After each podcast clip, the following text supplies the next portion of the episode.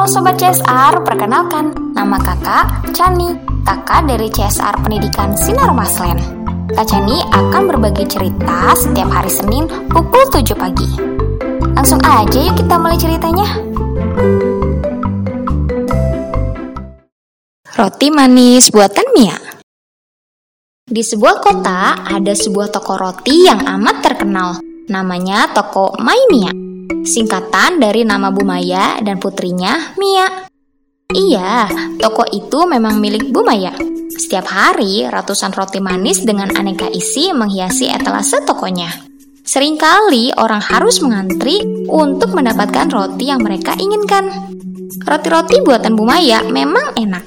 Itu karena Bu Maya selalu menggunakan bahan alami untuk roti-rotinya. Dia bahkan punya ladang gandum dan peternakan sapi untuk menyediakan tepung dan juga susu. Mia, ayo para susunya, teriak Bu Maya kepada Mia yang masih bermalas-malasan. Masih mengantuk, Bu. Mengapa tidak minta tolong Pak Ujo saja? Jawab Mia. Bu Maya menggeleng sambil menyerahkan ember kayu. Pak Ujo ada pekerjaan lain. Mia lalu memerah sapi sambil cemberut. Huh, mengapa ibu selalu menyuruhku bekerja? Berutunya dalam hati. Memerah susu, menggiling gandum, mengoleni adonan, memanggang roti, semua itu benar-benar melelahkan. Padahal, ibu punya 10 pegawai. Seharusnya aku tidak perlu ikut-ikutan seperti ini. Mia terus menggerutu. Dalam bayangan, Mia ingin sekali menjadi putri manja yang duduk manis di singgah sana. Mia pikir keinginannya itu wajar. Ibunya punya banyak uang, tentu bisa menggaji lebih banyak pegawai. Mengapa aku yang dikorbankan?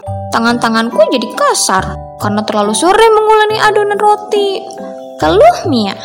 Mia mengangkat ember yang penuh susu menuju dapur. Dia bertekad untuk protes keras kepada ibunya. Terima kasih sayang. Sekarang antarlah sekeranjang roti ini ke rumahnya Nyonya Padma. Dia sudah memesan sejak pagi. Ibu, mengapa harus aku yang mengantar pesanan ini? Kan karyawan ibu banyak. Mia makin kesal. Aku ini anak ibu. Mengapa aku harus ikut bekerja keras? Bukankah ibu sudah punya banyak pegawai? Tambah Mia. Bu Maya malah tersenyum, lalu menyerahkan kertas catatan. Itu jumlah uang yang harus kamu tagih. Hati-hati ya. Bu Maya sama sekali tak memerhatikan keluhan Mia. Dengan berat hati, Mia pun berangkat. Wajahnya terus cemberut sepanjang perjalanan. Hatinya sedikit terhibur ketika Nyonya Padma memberikannya jus apel kesukaannya. Kamu anak hebat, mau membantu ibumu, puji Nyonya Padma. Sebenarnya aku tak suka seperti ini, rasanya capek. Tapi ibuku selalu menyuruhku. Sahut Mia. Nyonya Padma tergelak. Suatu saat kamu akan menyadari bahwa semua ini ada manfaatnya. Mia hanya bisa tercengang. Dia tak paham maksud Nyonya Padma. Hari berganti hari. Sekarang Mia sudah besar. Selama itu, Bu Maya terus meminta Mia untuk melakukan banyak pekerjaan. Tentu saja, Bu Maya memberi Mia waktu istirahat yang cukup. Akan tetapi, Mia tetap saja merasa keberatan. Suatu hari, Bu Maya sakit.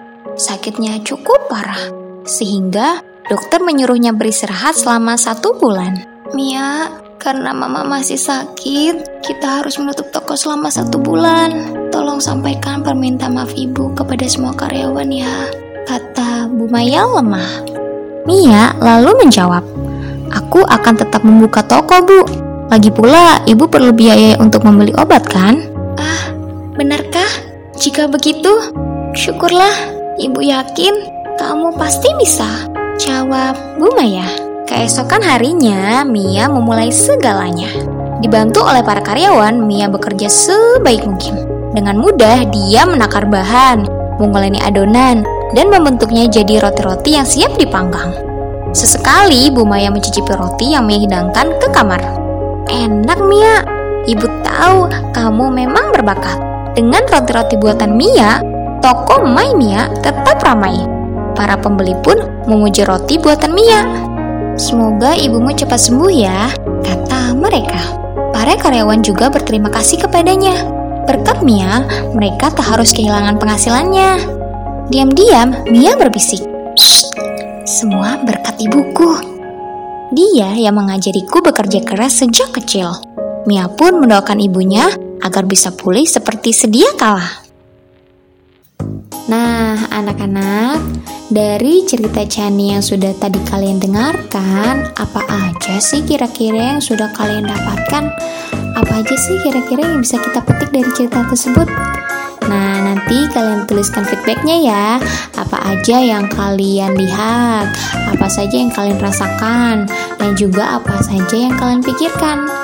Nah, nanti sudah selesai, kalian bisa mengirimkannya ke guru masing-masing ya.